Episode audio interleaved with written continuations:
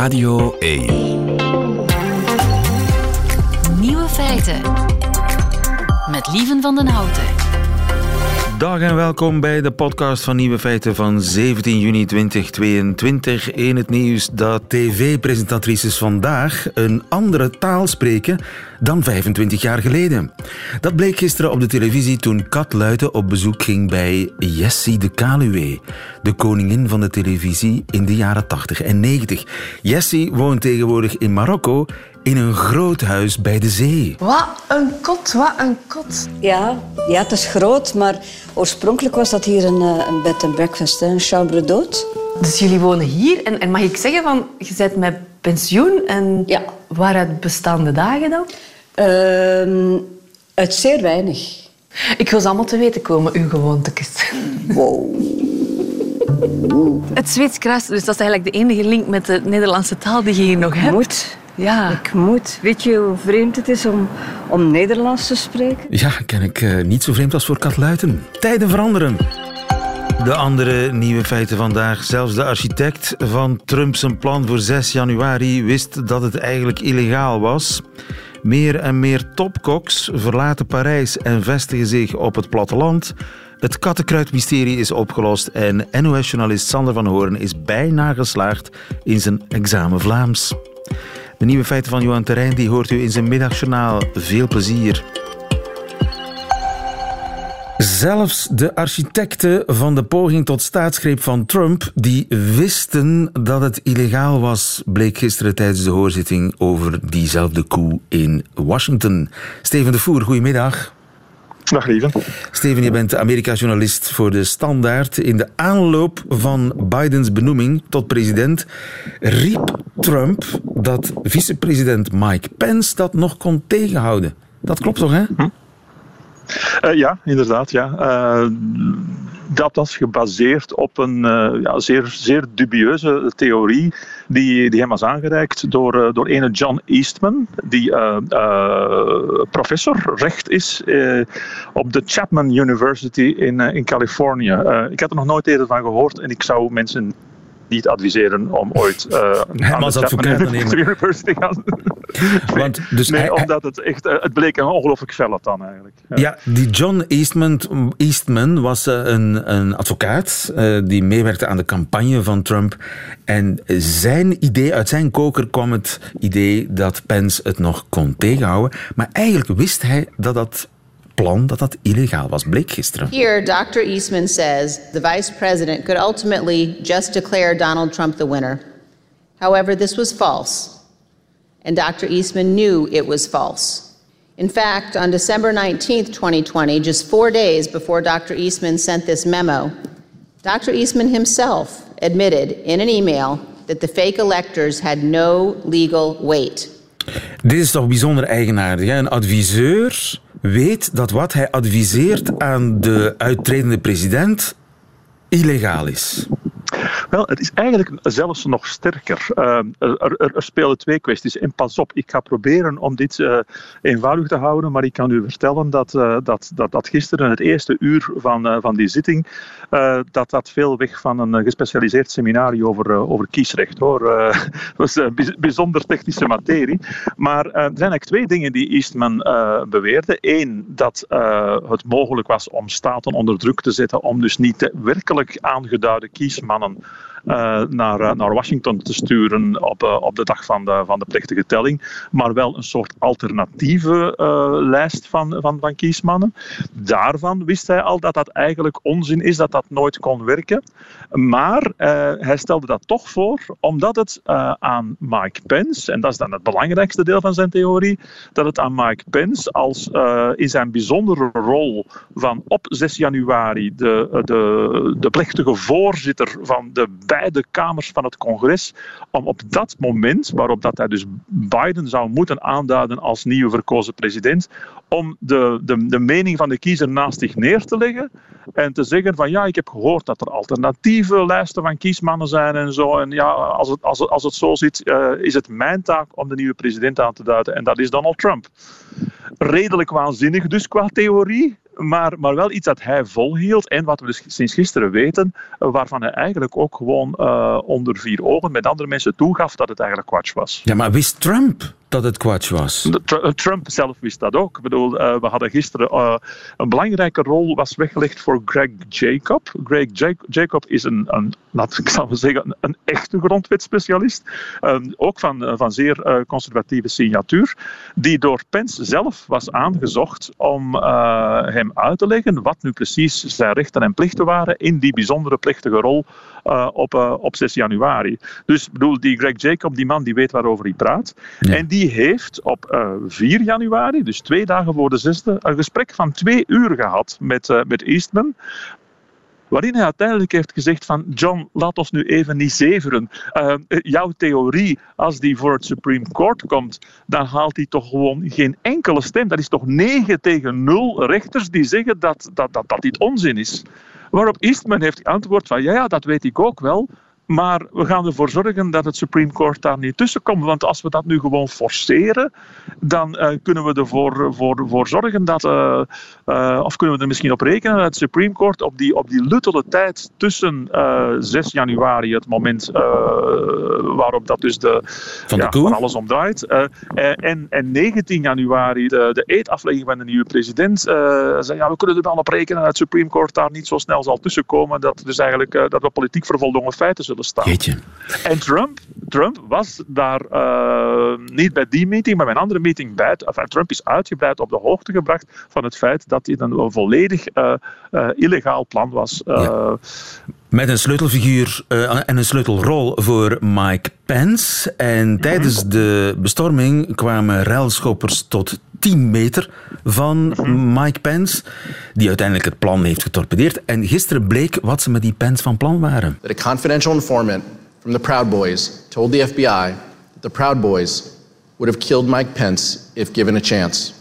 And they said that anyone they got their hands on, they would have killed, including Nancy Pelosi. Ja, ze zouden ook Nancy Pelosi naast Mike Pence ombrengen, de paramilitaire organisatie Proud Boys. En Pence bleek kon geëvacueerd worden, maar die wilde dat niet.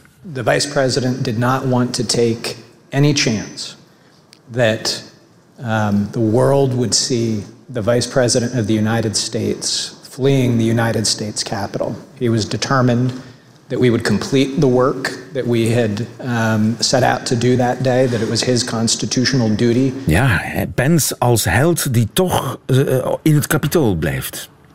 Mm -hmm. Ik denk dat um, gisteren een zeer ongemakkelijke dag moet zijn geweest voor Mike Pence. Uh, je moet je immers uh, zo voorstellen. Uh, wat, we, wat we met deze zittingen meemaken, is eigenlijk uh, ja, een einde maken aan de, kans, aan de kansen voor Donald Trump om nog uh, president verkozen te worden. Uh, het, mag, het mag dan zo zijn dat pakweg, zeg maar wat 80, 85 procent van, van zijn aanhangers achter hem blijven staan. Er zijn ook onvermijdelijk 10, 15 procent, misschien wat meer, afhankelijk van de, de verdere onthullingen, van, van mensen die, die vroeger op hem hebben gestemd hebben, maar, maar die zeggen van ja, dit kan echt niet meer zijn, waarmee dat hij eigenlijk de facto onverkiesbaar wordt. Wat natuurlijk de, de geretigheid van andere republikeinen groter maakt om, uh, om, om in 2024 kandidaat te zijn, waaronder Pence zelf ook.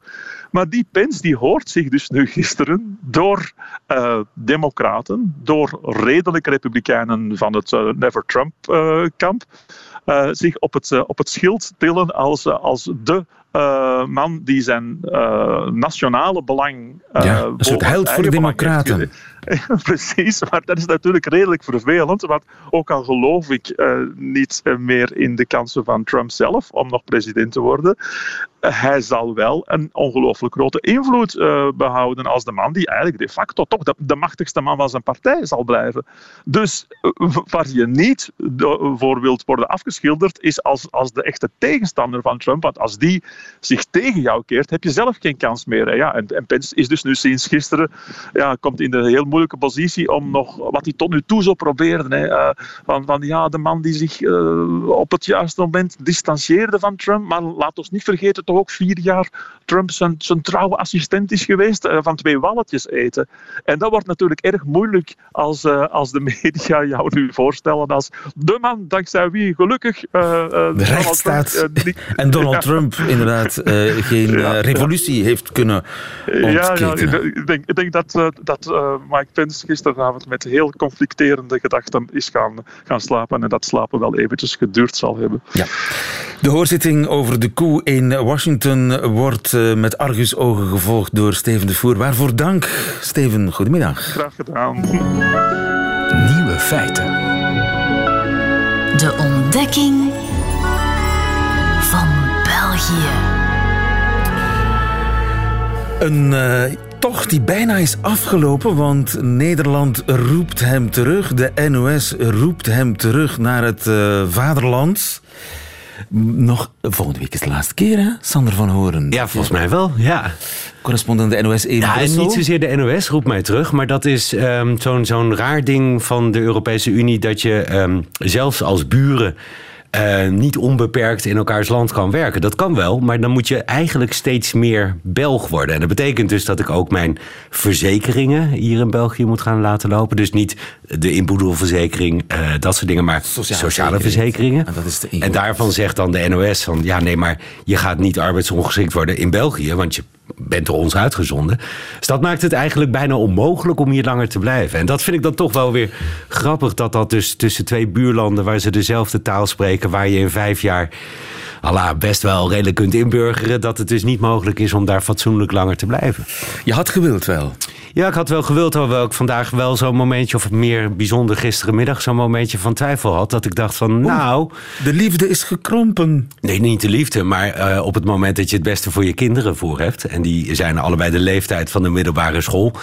Nou, dan ben ik toch wel blij dat ze volgend jaar op een school zitten in Nederland... waar tenminste duidelijkheid is over de eindtermen. Aha. Ja, want dat is toch wel een gedoe hier. Ja. Waarbij ik inderdaad nu ja, alles met elkaar ga verbinden... maar mijn kinderen die inderdaad nu in de examens uh, zitten... en uh, op het allerlaatste moment nog allerlei dingen krijgen die ze eigenlijk moeten weten. Dus in de laatste les opeens overvallen worden met heel veel uh, huiswerk, studeerwerk waarvan zij denken van ja, maar daar hebben we helemaal geen les over gehad. Dat, denk dan dat dat dan in die eindtermen staat. Ik heb geen idee, maar je gaat dat nu alles met elkaar verbinden. Want de chaos is compleet. Ja, want er waren nieuwe eindtermen uh, die bedacht waren door de minister, maar het grondwettelijke hof heeft die verbroken omdat eigenlijk ja, de inrichtende machten, zoals dat dan heet, de scholen zelf uh, baas zijn. En, nou, en, ik en heb geprobeerd aan Nederland uit te leggen ja? hoe dat in elkaar zat. Zo'n puntige samenvatting zoals deze, dat was mij nog niet gelukt. Maar daar komt het inderdaad op neer. En, en in Nederland is dat totaal anders? Nou ja, we hebben ook wel van dat soort dingen gehad. En weet je, de grap is een beetje, die oorlog in Oekraïne... die uh, uh, verdwijnt wat van de voorpagina's af natuurlijk. Die zomergolf corona, die zit eraan te komen, schijnt. Maar die is nog niet op de voorpagina's. Dus er is ruimte. Er is ruimte om verslag te doen van dingen die misgaan. En dat is in Nederland niet anders. En dan blijkt het toch behoorlijk wat mis te gaan. En dan denk ik van, zijn we dat dan door die oorlog in Oekraïne een paar maanden helemaal vergeten? Want het komt nu toch echt wel weer aan het licht. Ik bedoel, de oogst van deze week in België, personeelstekorten alom. Uh, waardoor er mensen overlijden op de bouwsteigers. Waardoor, uh, nou ja, die school in Antwerpen, dat is niet echt personeelstekort, maar wel gebrekkig toezicht. Ja, dat, dat gebrekkig toezicht kwam door personeelstekort. Vreselijk, Las toch? ik. Ja. En dan, dat zijn we allemaal uit het oog verloren door de oorlogen en ga de, tegen corona en tegen de... niet in Zaventem uh, het vliegtuig pakken of vatten of nemen, want je komt gewoon waarschijnlijk niet weg. Omdat eerst dus de bagageafhandelaars staken op maandag. En dan later is het cabinepersoneel en de piloten zijn aan de beurt. Allemaal te maken met werkdruk. Allemaal te maken met personeelstekorten. Redelijk essentiële dingen zoals onderwijs en zo zijn allemaal zijn ondergesneeuwd de, de, grap is, je kunt dus zeggen, we zijn uh, nu verrast, kennelijk. Die werkgevers, die hebben dat niet zien aankomen. Die hebben niet op tijd nieuw personeel geworven. Maar wij zijn met z'n allen ook verrast en dan denk ik toch, heeft dat dan te maken met het feit dat we daar dus eigenlijk die 120 dagen inmiddels ongeveer van de Oekraïnse oorlog daar niet naar hebben gekeken, dat we daar onvoldoende aandacht voor hebben gehad. Het is wel kwalijk, want het blijkt dus dat zo'n samenleving Eh, ook in Nederland. Eh, ik ga wonen in Amersfoort. Nou, ik ben blij dat mijn kinderen daar naar een middelbare school gaan. En niet naar een kinderdagverblijf. Want daar worden kinderen letterlijk op straat gezet. omdat er door personeelsgebrek onvoldoende ruimte is. Echt? Ja, ja ik bedoel, de- Be- Nederland is geen haar beter dan België. Maar het blijkt nu allemaal. En het staat nu opeens op die voorpagina's. Ja, waar het met alle respect toch de afgelopen maanden ook had terecht moeten komen.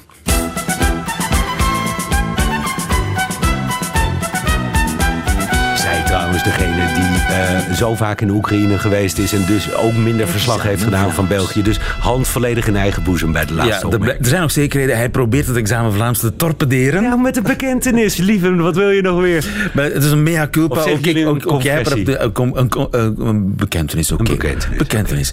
Eh, want ook jij hebt meegedaan natuurlijk aan de verslaggeving over Oekraïne. En die was natuurlijk ook wel terecht. Jawel, Stel je voor. zeker. Ja.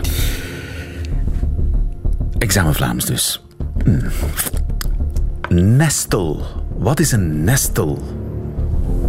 Het heeft het met nestelen te maken? Nee, waarschijnlijk dan, hè? Nee. Nee. Context. Doe een zin. Eh, mag, mag ik eens even onder tafel kijken? Eh, stofnestje. En een eh, stofpluisbaal ding. Ik zie er twee. En daar zie ik er geen. Bij, want de, de Een? Een Ja! Ja! Ja, dan moet Oh, ik, ik voor de mensen die niet via de webcam kijken... Eventjes naar de technicus eh, die, een draagt. krok omhoog. En dan kan je dus van alles bij verzinnen wat dan een nestel zou zijn. Snel Maar, door, snel door. Oh, ja. Nestel afdraaien. eh, de, de veters uit de war halen. Nee, afdraaien. Een nestel. Nes- je nestel afdraaien. Je, ne- je ne- jij, draai jij je nestel af? Ja, dat zei je net ook al, maar dat wordt niet heel veel duidelijker zo op deze manier. Gok. Een nestel is een veter. Ja, Een nestel afdraaien ja, het heeft er niets mee te maken. Het heeft- heeft er niets mee te maken. Eh, Op het eerste zicht niet, maar misschien dat een luisteraar mij kan verlichten. Nestel afdraaien is, is zwoegen, hard werken. Echt waar? Ja. Die ben ik nog nooit tegengekomen. In al die Eh, vijf jaar niet. Dus er wordt Ik- niet... Gen... Ik maar mijn nestel afdraaien en jij zit Ach, op je luie uurtje krent. radio per dag, zeg. Lieve. Zijn nestel afdraaien. Ja, ja, ja. Delibereren. Overleggen. Nee, Beraadslagen. Ja, ja, ja. Gedelibereerd zijn. Dat is iets wat je kunt zijn. Ik ben gedelibereerd. Nee, dat is echt iets wat je doet. Ja, in, in, in Vlaanderen dus kun je dat ook in dat rare ja, bastaardtaaltje dat wij soms spreken.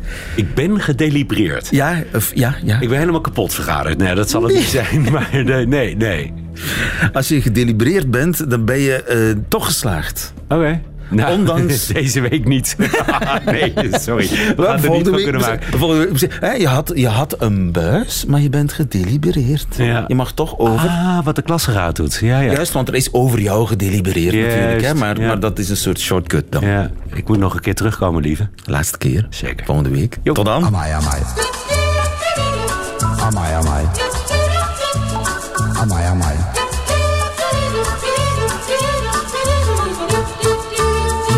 Feiten. Sterrenchefs die zien het in Parijs niet meer zitten en die trekken naar het platteland. Goedemiddag, Jolien de Bouw.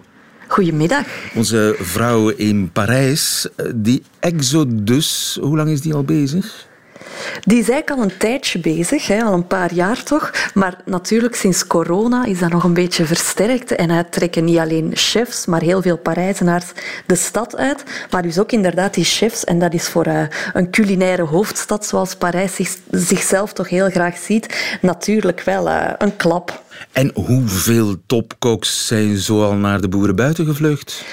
Het gaat hier echt over tientallen. Nu ja, die, die verhuizen niet allemaal heel hun hebben en houden, heel hun restaurant naar het platteland. Er zijn er natuur, natuurlijk wel zo wat, maar heel veel kopen gewoon ook terreinen en dan ja, bijhorende boerderijen eh, op het platteland om hun restaurant in Parijs te kunnen voeden. Maar er zijn er inderdaad ook die gewoon zeggen Parijs voert met die hoge prijzen, die superharde concurrentie in die gas- gastronomische cultuur. Dat zijn wij zo beu, wij willen een ander leven en die vertrekken echt gewoon helemaal. Want je zou toch denken, ja, Parijs, daar wonen heel veel rijke mensen op een paar vierkante kilometer bij elkaar. Allemaal mensen die maar al te graag 300 euro neertellen voor een, ja, wat is het, 12 gangen menu. Dat is goud natuurlijk, hè, voor een topkok. Ja, zeker. Maar steeds meer wordt die balans tussen carrière en privé toch belangrijk. En dat is nu ook het geval bij heel veel van die chefs. Dat is eigenlijk een reden dat zij vaak aanhalen van kijk, wij zijn ook gewoon jonge mensen. Wij willen ook een beetje van ons leven genieten. En ze zoeken dan naar die balans. En dat is in Parijs veel moeilijker dan op het platteland. Omdat daar de concurrentie veel minder hard speelt op dat platteland. Ja, klopt. Dus de concurrentie speelt daar minder. Ze kunnen daar ook gewoon iets uh, menselijkere uren aanhouden. Het is daar ja, gewoon iets aangenamer leven, grotendeels. Uh, een beetje in de natuur, een, een, grote tuin tussen de groentjes en de, en de diertjes. En is er genoeg klandizie daar? Want ja, het Franse platteland, dat staat toch bekend de voorbije jaren als ja, een beetje leeg, mhm. arm. Vandaar ook die gele hesjes. En, en de, hele, de hele idee is, ah, die, die chique Parijzenaars, die vergeten La Provence. Ja, het hangt er natuurlijk een beetje van af. Hè. Je hebt heel veel soorten platteland in Frankrijk. Je hebt natuurlijk ook heel chic platteland, hè. een beetje duurder. Dan gaan we meer uh, naar, naar het westen uh, van Frankrijk. En daar zitten dan ook heel veel, bijvoorbeeld rijke Britten, die sinds de brexit uh, naar daar zijn verhuisd. Ehm, dat is natuurlijk heel, heel interessant. Dat is wel interessant. Dus die profiteren van de, ja. de brexit. Dat ja, zijn vaak mensen die voor die brexit gestemd hebben, ook die rijke ja, ja, blijkbaar. Hè. Zelfs de vader van uh, Boris Johnson, die, die is nu uh, Fransman. Hè. Maar dus... Um, er zijn inderdaad van die, van die minder um, rijke buiten, um, ja, plattelandsgebieden, maar daar wonen ook steeds meer stedelingen. Hè? Want Parijs verliest elk jaar 11.000 inwoners. Sinds corona gaat dat aantal allee, altijd maar omhoog. Um, en die, die uitgeweken Parijzenaars die hebben wel wat geld en die willen op dat platteland ook echt genieten van goede keuken, hè? wat er daarvoor misschien niet per se was. Um, maar alleen daarop overleven is natuurlijk moeilijk. Hè. Die zijn er vaak ook niet heel de week. Die gaan ook niet elke dag op restaurant natuurlijk. Dus je moet ook wel een beetje kunnen rekenen als restaurantuitbater op uh, die lokale bevolking. En die lokale bevolking heeft, zelfs als zij al uh, zoiets zouden kunnen betalen, hebben die misschien helemaal geen zin om uh, eh, 15 euro te betalen in plaats van 6 euro daarvoor voor een worst. Hè, omdat dat gemaakt is van varkens uit eigen tuin. Dus dat is inderdaad niet altijd gemakkelijk. Ja, want die, die topkoks die gaan naar daar om daar het lokale Franse eten te, te, gaan koken. Want dat is dan heel chic voor een Parijzenaar. Maar ja, voor de lokale bevolking is dat gewoon het eten van alle dag. Dat dan plotseling tien keer duurder wordt. Ja, inderdaad. Het is eigenlijk zo. Hè. Uh, vroeger, hè, en de Fransen die, die claimen dat nog altijd, dat ze echt heel gehecht zijn aan hun terroir, hè, de producten, de goede producten van hun eigen platteland, waar de, waar de boer noeste arbeid voor levert. Maar eigenlijk, als je nu kijkt in Parijs, zijn er heel veel restaurants die, die gewoon in de keuken alleen maar microgolfs hebben staan, um, waar dan van die prefab maaltijdjes worden opgewarmd. En vroeger natuurlijk, sinds de middeleeuwen, was er in Parijs Leal, een grote markthal, waar dan de boeren van buitenaf hun producten kwamen leveren. En daar gingen dan de restaurant-eigenaars hun, hun verse, goede terroir-producten halen. Maar sinds de jaren 60 is er net buiten Parijs Rangy opgericht, dat is de vroegmarkt. En dat is 234 hectare groot. En daar vind je alles. En dat zijn niet meer die hele goede producten die, waar die Fransen eigenlijk zo trots op waren. En de kwaliteit is gewoon heel erg gedaald. En ook de Franse keuken, die is, wat daar eigenlijk heel belangrijk is, dat zijn die technieken. En die technieken zijn eigenlijk belangrijker geworden dan de ingrediënten, de kwaliteit daarvan. En uh, nu komt die ommekeerder. Hè. Dat zien we overal meer naar lokaal en seizoensgerechten. En dat vind je gewoon nog maar moeilijk in Parijs zelf. En dat is ook een van de, dat maakt ook deel uit van die lokroep van het platteland. Om de echte goede ingrediënten daar, van ter plaatse geteeld. Uh, ja, en uit de eigen ja, seizoensgebonden. En uit de gronden in een straal van, uh, wat is het, drie kilometer rond het uh, restaurant geteeld. Ja, klopt. En gratis parkeren naast de deur natuurlijk ook. Hè. ook zeer handig. Niet onbelangrijk. De grote chefs... Ja, met de bus raak je er niet. Met de bus moeilijk, hè. de grote chefs die verlaten uh, Parijs, de sterrenhoofdstad, de culinaire hoofdstad van Europa. En die gaan hun eigen ding doen op het Franse platteland. Jolien de Bouw, dankjewel. Goedemiddag. Alsjeblieft. Nieuwe feiten. Radio 1. Het kattenkruidmysterie is opgelost. Dirk Drouwlands, goedemiddag. Goedemiddag, lieven. Je bent onze huisbioloog. Ja, zodra ze het zien of ruiken, worden ze zot, hè, katten? Ja, het is ongelooflijk. We hebben hier in de Seiren ook kattenkruid staan. En we hebben ook een kat. En uh, ja, je kunt er niet naast kijken. Hè. Dat beest vindt het fantastisch. En wat, wat doet dat beest van zodra ze dat kattenkruid ontdekt? Ja, het is, het, uh, het is al bekend dat ze daar dus tegen, tegen gaan wrijven. Hè. Dus met een pels daar tegen gaan wrijven. En er was al een tijdje aangetoond dat dat kattenkruid een, uh, op die pels van de kat een soort effect heeft. Dat is de muggenmelk bij ons, dat die dus muggen afstoot. Dus het is een, uh, een insecticide eigenlijk. Maar, en ik heb dat bij onze kat ook al gezien, die gaat dus dikwijls voordat hij begint te wrijven met haar pels tegen die, tegen die plantjes, gaat hij op die blaadjes zitten zo wat kauwen en, en doen. En men heeft nu in nieuw onderzoek, dat uh, vorige week gepubliceerd is, aangetoond dat door het feit dat die katten die blaadjes van dat kattenkruid zo wat beschadigen, er met een factor 8 of 10 keer meer van dat, uh, van dat natuurlijke muggenmelk vrijkomt, waardoor dat de bescherming tegen insecten veel hoger is. Dat is een soort moestiemug voor, voor katten, een datespray en die zit eigenlijk in de blaadjes van dat kattenkruid. Dan moeten ze eerst loskouwen. Ja, dus eh, ze, het, ze, kunnen het gebruiken zonder beschadiging, maar door de beschadiging van de bladeren is het, is komt er veel meer vrij en is het effect veel hoger. En het bizarre aan die studie is, want ze is gemaakt door Japanse onderzoekers, en die hebben ons kattenkruid, van ons rechtgebieden, Actinidia heet die. En die heeft hetzelfde effect op katten, ondanks het feit dat die twee planten geografisch niks met elkaar te maken hebben. Uh, en en, en ja, dus de katten niet van het ene kunnen leren over de andere, maar die hebben dezelfde chemische stof.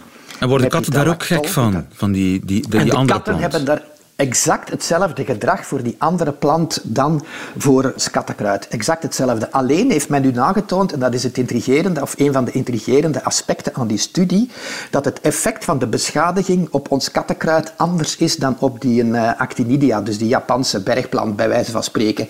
Want daar zit, de stoffen zijn wel verwant, maar door de beschadiging gaat in die Japanse klimplant een, uh, een voorloperstof, heet die, omgezet worden uh, in, in andere verwante stoffen, waardoor dat die bij een lage concentratie een hoger effect geeft. Terwijl dat bij ons zit er al zo een verder gevorderde stof in, met kattenkruid bedoel ik dan, DPT-lactone heet die, en die verandert niet in samenstelling. Maar dus, dus het, uh, het effect van het kouwen is biochemisch anders, maar het resultaat is wel hetzelfde, namelijk een substantiële verhoging van het uh, insectenafstotend effect voor uh, onder meer katten. Maar dat is toch ongelooflijk dat zo'n kat eigenlijk apotheker speelt? Ja, dat is, dat is, veel mensen beseffen dat niet goed, wat, dat die, wat dat die onwaarschijnlijke effecten van natuurlijke selectie kunnen zijn. Hè? Want je krijgt dan dikwijls die reactie van, maar hoe weten die katten dat? Ja. ja. die katten weten dat natuurlijk niet. Maar als je als kat decennia lang, generaties lang per ongeluk uh, gebruik maakt van dat effect en daardoor minder last hebt van muggen en daardoor een comfortabeler leven leidt, waardoor dat je jezelf gemakkelijker kunt voortplanten, is dat gedrag iets dat zonder dat die katten dat weten ingeburgerd geraakt in een software en is dat iets dat ze gaan blijven, blijven doen. En specifiek op die kruiden met dat effect, dus die, die evolutionaire mechanismen kunnen echt werkelijk ja. heel specifieke gedragingen in dieren naar boven woelen als ze de tijd krijgen om dat te ontwikkelen. Ja, ik denk graag dat zo'n kat dat beseft, maar ja, dat is naïef natuurlijk, hè, om dat te denken. Dat zou nu biologisch heel... Uh, dat zou pas een grote doorbraak zijn als we dat zouden kunnen nagaan, dat die katten zich daar bewust van zijn. Maar we gaan ervan uit dat dat niet het geval is, dat het gewoon door natuurlijke selectie zo gegroeid is en dat zo'n kat dat instinctief doet. Uh, zelfmedicatie bij dieren, komt dat vaak voor? Ja, het is iets dat eh, veel frequenter voorkomt dan, dan veel mensen geneigd zijn van te denken. Ook, ook weer opnieuw door dat passief proces. Hoewel dat je soms van chimpansees kunt denken dat die daar misschien zich iets meer bewust van, van zijn. Er zijn. Er zijn prachtige voorbeelden van chimpansees die een vorm van zelfmedicatie doen. Dus bijvoorbeeld die nesten waarin dat ze s'nachts sla, uh, gaan slapen, die larderen dat met een, uh, de blaren van de vlinder, vlinderbloemachtige struik uit die tropische regenwouden waarin dat ze leven, die op zichzelf een muggen, anti-muggen effect heeft een soort uh, ja, muggennet, bij wijze van spreken, maar dan door plantaardig materiaal. En er is onlangs, nog niet zo geweldig lang geleden, aangetoond, allez, nog dit jaar eigenlijk aangetoond, bijvoorbeeld in een, uh, in een chimpansee-opvangcentrum in het, uh, in het Afrikaanse land Gabon, waar die dieren wel een min of meer natuurlijke levenswijze kunnen leiden, dat een chimpansee-moeder een gekwetst voetje van haar jong verzorgde met een specifieke soort vlieg die ze ook gebruikt als ze bijvoorbeeld schade aan haar lippen heeft door foute bladeren te eten. Dus er is ergens een soort geneeskrachtig effect in een vliegje en dat zo'n moeder dat ook gebruikt heeft om de wonden van een babyke te verzorgen. Het zijn heel mooie, mooie voorbeelden. Of chimpansees die darmparasieten bestrijden door een variant van ons ijzerkruid, waar dat ze dan heel voorzichtig op kouwen, op die bladeren daarvan, of het merk daarvan gebruiken en heel voorzichtig gaan opeten. Dus niet binnenschrokken zoals ze gewoon doen, maar dus echt als een soort medicijn gebruiken en op twee, drie dagen tijd zijn die darmproblemen dan opgelost. Dus het zit, het zit niet alleen in, in van wat dat wij hè, slimme dieren zouden noemen, zoals chimpansees. We zullen katten er ook maar ook bij rekenen, maar het, uh, uh, ook, ook uh, insecten zijn in staat om dat te doen, vogels zijn in staat om dat te doen. Er zijn heel mooie voorbeelden van, van beschreven.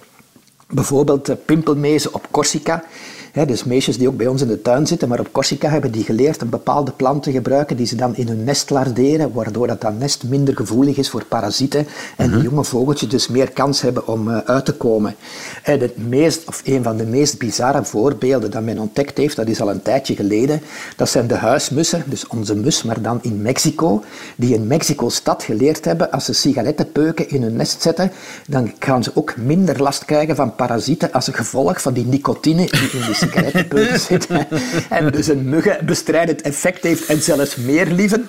Die mussen hebben ondertussen zelfs geleerd dat ze dus opgerookte peuken moeten gebruiken, want dat als ze gewoon peuken die nog niet opgerookt zijn, daar zit geen nicotine in en dat heeft dat effect dus niet. Dus zelfs dat onderscheid hebben ze ondertussen gemaakt. Om maar dus- te zeggen, ja. natuurlijke selectie kan de waanzinnigste dieren en, de dingen in dieren naar boven halen. Ja, en sigaretten is een soort kattenkruid voor mussen in Mexico. Ja. Uh, diep respect voor uh, mevrouw de Kat, die koud op kattenkruid, omdat daar een soort van natuurlijke datespray in zit. Dirk Drouwlands, dankjewel. Goedemiddag. Goedemiddag, lief. Johan Terrein, het is aan jou. Johan Terrein in het Middagjournaal. Nieuwe feiten. Middagjournaal. Beste luisteraar. Hoe lang is het geleden dat er iemand naar u knipoogde en dat u helemaal warm werd van binnen? Bij mij toch al even, tenminste dat moet ik vaststellen op de autostrade. De laatste tijd heb ik daar namelijk gedrag ontwikkeld dat een tekort aan knipoogjes probeert te compenseren. Voor alle duidelijkheid, ik heb het hier niet over de emoji-knipoogjes die vertellen dat je een grapje maakt of dat je iets niet serieus bedoelt. Nee, ik heb het over dat moment dat je een gezicht aankijkt warmte voelt in die andere ogen en er dan plots eentje zich ziet dichtknijpen.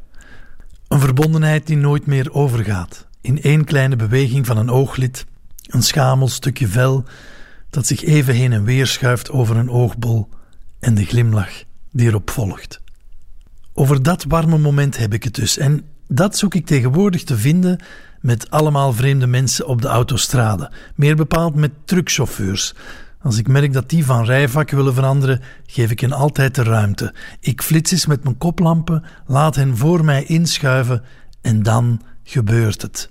De vier keer dat hun richtingaanwijzers dan heen en weer knipperen, voel je even diezelfde warme menselijke verbondenheid. Ik weet het. Het is de one-night stand onder de knipogen, want nadien rij je gewoon verder. Nooit zal je elkaar nog tegenkomen en mocht dat wel zo zijn, zal je elkaar niet eens herkennen. Je kent wel een nationaliteit, maar je kent geen naam. Je onthoudt geen gezicht, want je hebt er nooit een gezien. Het is een vluggertje met een vreemdeling waarbij je elkaar even een warm gevoel schenkt en weer verder gaat, zonder dat je je daar achteraf slecht over voelt. Volgens een recente studie zijn Belgen de grootste wegpiraten van Europa. Dat is een verbeterpuntje als we straks weer massaal in Europa rondrijden. Dus als je binnenkort stilstaat te vloeken op de Autoroute du Soleil of aan de Brennerpas, weet dan dat je jezelf deze kleine opstoot van endorfine cadeau kan doen. Een knipoog van een truckchauffeur maakt het vakantiegevoel helemaal compleet.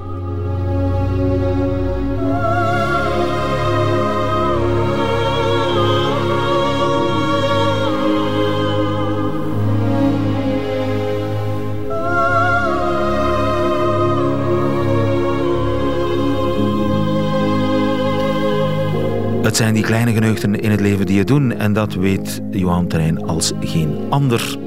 Einde van deze podcast hoort u liever de volledige nieuwe feiten met de muziek erbij. Dat kan on demand via de Radio 1 app of website. Tot een volgende keer.